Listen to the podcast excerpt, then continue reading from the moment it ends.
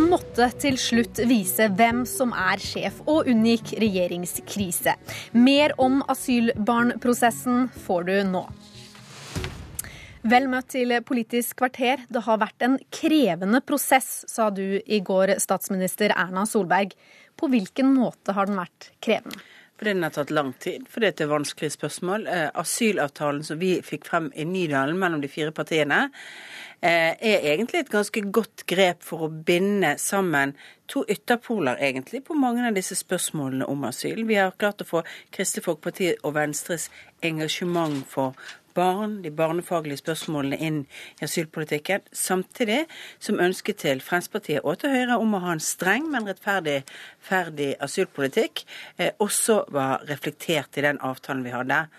Og det er klart Når vi da har hatt eh, utfordringer knyttet til gjennomføringen av avtalen, eh, ulike oppfatninger av eh, om vi har gjennomført den eller ikke, på, men helt klart på en, en innrømmelse av at vi burde gjennomført den på en bedre måte i fjor høst, kommet raskere til den endelige løsningen, så har det vært vanskelig å finne det balansepunktet når vi nå, skulle, når vi nå har reforhandlet en bit av den avtalen. Ja, hvor krevende har, det, har dette vært? Altså, det krevende er at det er to forskjellige eh, synspunkter. Det er klart KrF og Venstre mente at eh, man skulle hente tilbake. Høyre og Frp mente man ikke skulle gjøre det. Samtidig så har vi sett at eh, at det var nødvendig å finne en løsning. Eh, og jeg syns jo at det er greit at regjeringspartiene har innrømt at vi, var, vi brukte for lang tid på å få den endelige forskriften på plass. Det var ikke pga. regjeringspartiene bare, det var pga. at de ordene vi brukte opprinnelig, eh, viste seg å ikke ha den effekten som vi hadde fremforhandlet. og Da måtte vi finne nye juridiske begrep. Det har vi fått. Det fikk vi til i 9.12. Men da er det selvfølgelig noen barn som er sendt ut på den tiden, som, som kanskje ville vært innenfor hvis vi hadde vært tidligere ferdig. Ja, og nå er det altså rundt 60 utsendte asylbarn eh, som da får muligheten til å prøve sakene sine på nytt. Eh, og hvorfor har det tatt så lang tid å komme fram til det? For det er jo et halvt år dere har forhandla om dette nå.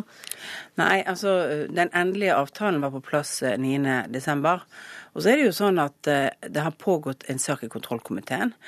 Man har avdekket også hvordan politiet har forstått de, den endringen som ble gjort i styringssignalene fra, fra regjeringen, eller rett og slett ikke men uavhengig av det så kunne man vel kommet fram til ja, men altså, den avtalen dere kom fram til i går? Oss, jo, men for oss har det også vært en viktig del av dette at, at vi eh, ikke skulle midt oppi kontroll- og konstitusjonskomiteens avgivelse av saken, finne frem løsninger som virket som om det hadde en påvirkning for utfallet av det.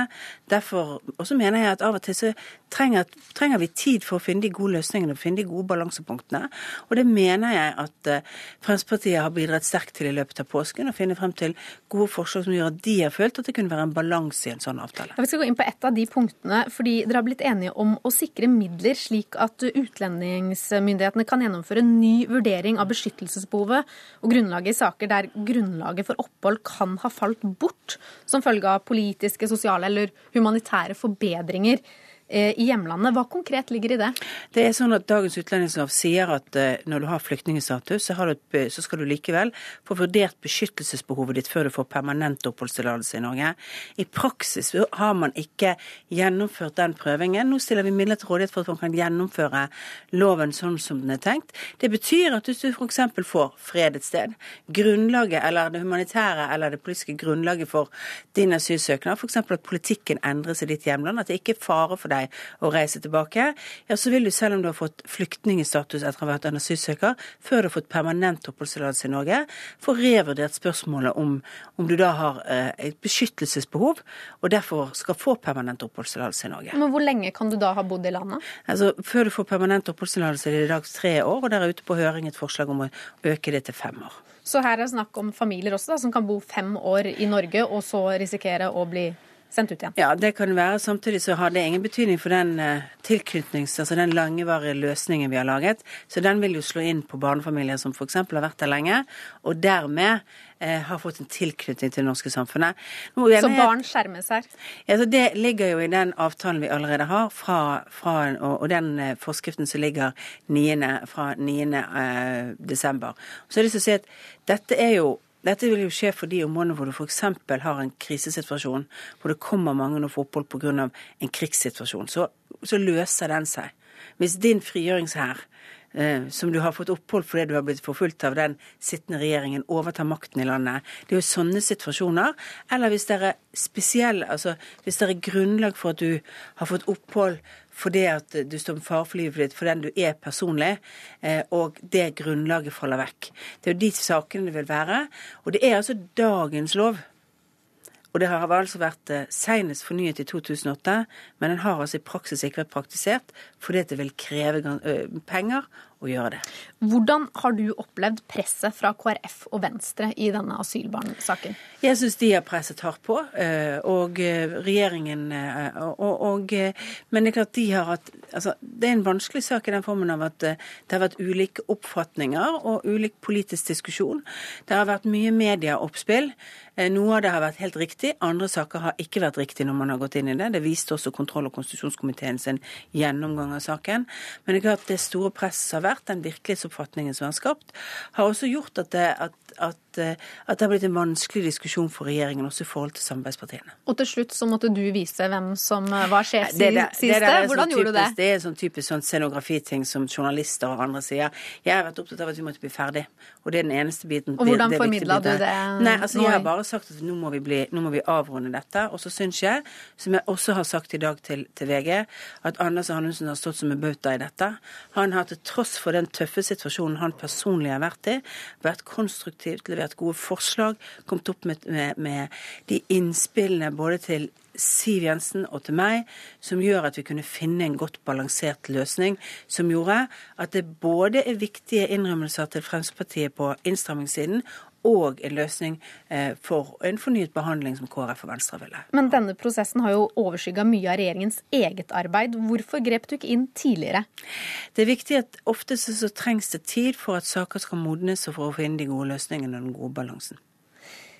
Har denne saken satt spor for det videre samarbeidet mellom regjeringspartiene? Og det, Venstre og KrF? Eh, den har jo skapt en politisk diskusjon som selvfølgelig nedover i organisasjonen har vært vanskelig. Samtidig så det at vi viser at vi klarer å finne løsninger, at vi klarer å lage en balanse i samarbeidet, det tror jeg også styrker samarbeidet.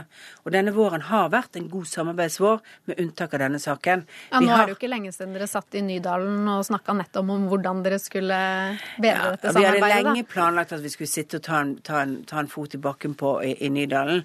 Og ut fra det så kom det mange gode planer. Og etter det så har vi også sett at vi har, vi har hatt enighet om, om klimamålene mot 2030, modellen for det. Arbeidsmiljøloven. Vi har mange gode samarbeidssaker, ikke minst behandlings, altså fritt behandlingsvalg, som er en viktig sak for, for regjeringspartiene å få til. Eh, så vi har mange gode samarbeidssaker denne våren, som dessverre har kommet litt i skjul av og litt under ja, altså Ble tåkelagt litt av denne diskusjonen. For jeg mener at vi har hatt en god samarbeidsvår. Mm. Eh, dere har nå inngått en avtale om å møtes hyppigere, også med Anundsen. Eh, hva kan du si om det? Altså, det vi har vært opptatt av, er at nettopp litt av Altså, jeg har vært jeg har vært innvandringsminister i Norge. Dette er et område hvor det brenner annenhver dag. Det kommer nye saker. Noen er reelle, andre er påstander, det kommer diskusjoner. Og da er det faktisk viktig å sitte og, og og ned og kunne gå gjennom eh, hvordan er det faktisk utviklingen er, hvordan går tallene. Og vi har veldig mange oppfølgingssaker. I den avtalen i går så har vi oppfølgingssaker f.eks. på andre deler av avtalen som vi inngikk i 2013. F.eks. det hvordan vi skal lage nye mottaksstrukturer, eh, integreringsmottak, for å sikre at de som bosett, skal bosettes i Norge, får en bedre oppfølging i den tiden før de blir bosatt i kommunene. Samtidig som vi skal se mer på uttransportering og andre, andre tiltak. Så er det masse ting som Det er bra at vi sitter og snakker sammen om gjennomføring. For dette er fordi det er tema som fort blåses opp i media som om, om, om man har uenighet, selv om man, egentlig jobber veien. Men her har dere jo vært eh, veldig uenige, og du sier at dette har vært vanskelig for dere. Eh, men den verdimessige uenigheten mellom parti, partiene, den, den, forsvinner jo ikke. Og nå er det søndagsåpne butikker som vi vet KrF er sterkt imot. Frykter du flere vanskelige saker fremover av denne typen? Altså jeg mener at På den borgerlige siden så har vi et verdimessig fellesskap, ikke en verdimessig uenighet. Det er det å være, det å, å være på det vi vil kalle noen partier ikke-sosialistiske og andre oss kaller det borgerlig side, betyr at vi har noen felles verdier som ligger i grunn for samarbeidet. Det er troen på f.eks. at politikerne ikke skal bestemme alt. Grensene for uh, Samtidig så viser vel denne asylbarnsaken at her er det På ett område innenfor altså innvandringspolitikken eh, Jeg vet ikke om ja, det er forskjellige oppfatninger av hva det er. Jeg mener at en streng og rettferdig innvandringspolitikk er viktig, også for støtten til de områdene vi skal være mer liberale på. For det er viktig å vise at vi klarer å håndtere store strømmer av personer som kommer og søker om asyl, og skille mellom de som har et behov for, for opphold, og de som ikke har et behov for opphold. Når det gjelder søndagsåpne butikker, så er det, det lå på bordet da vi forhandlet i Nydalen. Kristelig Folkeparti visste at de tre andre partiene eh, var for å åpne dette. Så dette har ligget der fra den dagen denne regjeringen ble etablert. Det er ikke noe nytt som har kommet til. Takk til deg, statsminister Erna Solberg. Eh, kommentator eh, Lars Nehru Sand. Hvem har mest grunn til å være fornøyd med den avtalen som ble lagt fram i går? Klart Venstre og KrF får gjennomslag for sitt hovedkrav om at eh, man skal eh, gi eh, denne engangsløsningen tilbakevirkende kraft, slik at flere barn og familier får prøvd sin sak på nytt. Og Det er det viktigste kravet som de har fått gjennomslag for. og Da er det helt klart sånn at de har stor grunn til å være fornøyd. Både fordi det bryter med hva som har vært praksis i, i norsk innvandringspolitikk, fordi man får tilbakevist kravet, eller påstanden fra, fra Frp, særlig særlig, men også Høyre, om at eh, man ikke gir denne type vedtak tilbakevirkende kraft. Og fordi man lykkes av å lage en, en, eh, ja, en, eh, begrunnelse for hvem som skal få tatt opp saken sin på nytt, sånn at det faktisk er flere familier som nå vil få gjort det, enn det som var grunnlaget for ultimatumet fra, fra Hareide. Så Venstre og KrF har stor grunn til å være fornøyd. Samtidig har Frp fått for dem veldig viktige, kanskje avgjørende innstramminger. Og så er det ofte sånn sånn når denne regjeringen har sine eh, problemsaker, at til syvende og sist så virker det alltid som om Erna Solberg er den største vinneren fordi regjeringsprosjektet halter videre. Eh, ja, og, Fremskrittspartiet fikk gjennom innstramminger, som du sier. Hva blir sett på det som det vanskelige her? At det bryter med den tradisjonen som er i, i norsk flyktningpolitikk, også europeisk, og hvordan eh, mange andre land uh, vurderer, nemlig at den flyktningstatusen man får, er juridisk sett uh, midlertidig, men det blir for alle praktiske formål værende sånn. Vi har hatt én sak som har skapt store overskrifter, som Erna Solberg husker godt, hvor man jo nettopp ga mange fra Bosnia en midlertidig rett til å være i Norge, når det, denne Muffe-saken, og når de skulle prøves på nytt og fikk beskjed om at dette var jo midlertidig, så ble det en politisk vanskelig sak. Så jeg tror Fremskrittspartiet har eh, nå skapt, eh, eller prøver da å skape en, en president som vil bli juridisk gjenstand for mye diskusjon, og som er politisk mer krevende for Kristelig Folkeparti og Venstre enn man brukte tid på i går, når det viktigste selvfølgelig var eh, asylbarna. Og så er det, som Solberg sier, det, dette koster mer penger. altså Det er en byråkratiserende ordning i den forstand at når man skal gjennom, eh, gå gjennom disse sakene på nytt, så vil det kreve eh, sitt. Så sier Kristelig Folkeparti og Venstre at det vil ikke være så mange som blir kastet ut igjen eh, fordi andre hensyn vil kunne føre til at de blir. Men så sier Fremskrittspartiet på sin side at det viktigste her er kanskje ikke at mange kastes ut, men at færre ser på Norge som et attraktivt land å komme til. Og så hører vi Erna Solberg her si at uh, dette kan være med på å styrke samarbeidet, at man nå har sittet sammen og prata gjennom vanskelige saker. Hva er din oppfatning uh, av, uh, av situasjonen?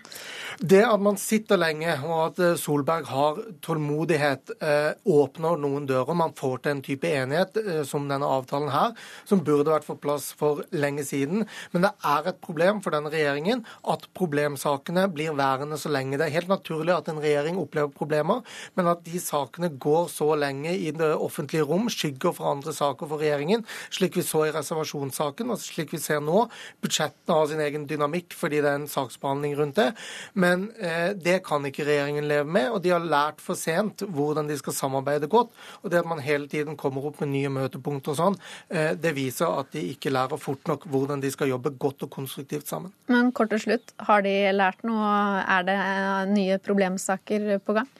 Ja, det er det. Og hvor godt de klarer å samarbeide nå, det vil jo bare tiden vise. Men alle skjønner at alle taper når blir, eller problemsakene blir varende lenge. Takk til deg, kommentator Lars Nehru Sand. Og det var et Politisk kvarter.